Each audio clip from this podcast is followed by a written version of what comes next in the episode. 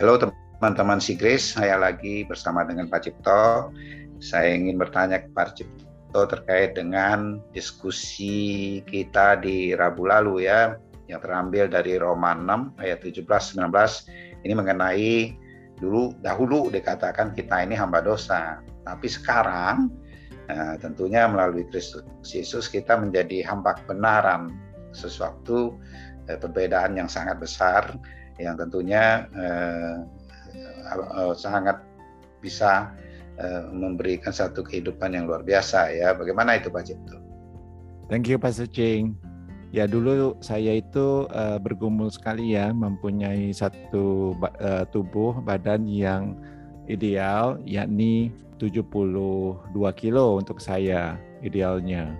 Tapi saya waktu itu 95 kilo. Uh, jadi setiap kali saya ingin ingin turun gitu ya turun dari 95 ke 85 udah susahnya setengah mati gitu ya padahal targetnya kan 72 tapi sudah sampai 85 aja balik lagi gitu kan ke 90 karena ya itulah maka apa makannya terlalu banyak atau olahraganya jarang lalu banyak stres di dalam kerjaan.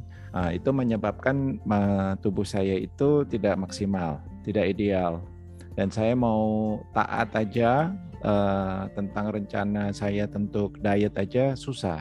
Tetapi dengan ayat ini saya di, diberkati karena Tuhan sudah berkata, kamu telah dimerdekakan dari dosa dan kamu menjadi hamba kebenaran. Nah dari situ saya percaya akan penebusan Tuhan Yesus di kayu salib berkorban untuk menebus segala kelemahan saya sehingga saya menerima kemerdekaan itu dari dosa itu. Dan ketika saya percaya tentang itu, secara natural ya, nggak tahu bagaimana Tuhan bekerja, tahu-tahu saya turun. Dan sekarang saya beratnya 73 kilo. Nah, idealnya 72, ya saya masih uh, masih 73 lah begitu. Tapi puji Tuhan satu transformasi kehidupan yang telah saya alami dan ini menjadi satu tanda ya, satu titik tanda bahwa yang lain pun dari kehidupan saya bisa berubah. Bukan dari usaha saya tapi dari penebusan Tuhan Yesus uh, di kayu salib itu alami satu realem sukacita, damai sejahtera sehingga manifestasinya akan mengikuti. Begitu Pak Cing. Thank you. Wow, terima kasih untuk penjelasan dengan kesaksiannya. Wah, tentunya eh, yang dahulu digumuli nggak bisa-bisa ya, tapi dikasih satu pengertian bahwa sebenarnya yang digumuli itu udah Tuhan tebus sehingga yang menjadi sesuatu hamba kebenaran ya percaya saja. Ada kekuatan baru ya sehingga uh, bisa uh, mengalami perubahan yang ini terkait dengan uh, tubuh ya.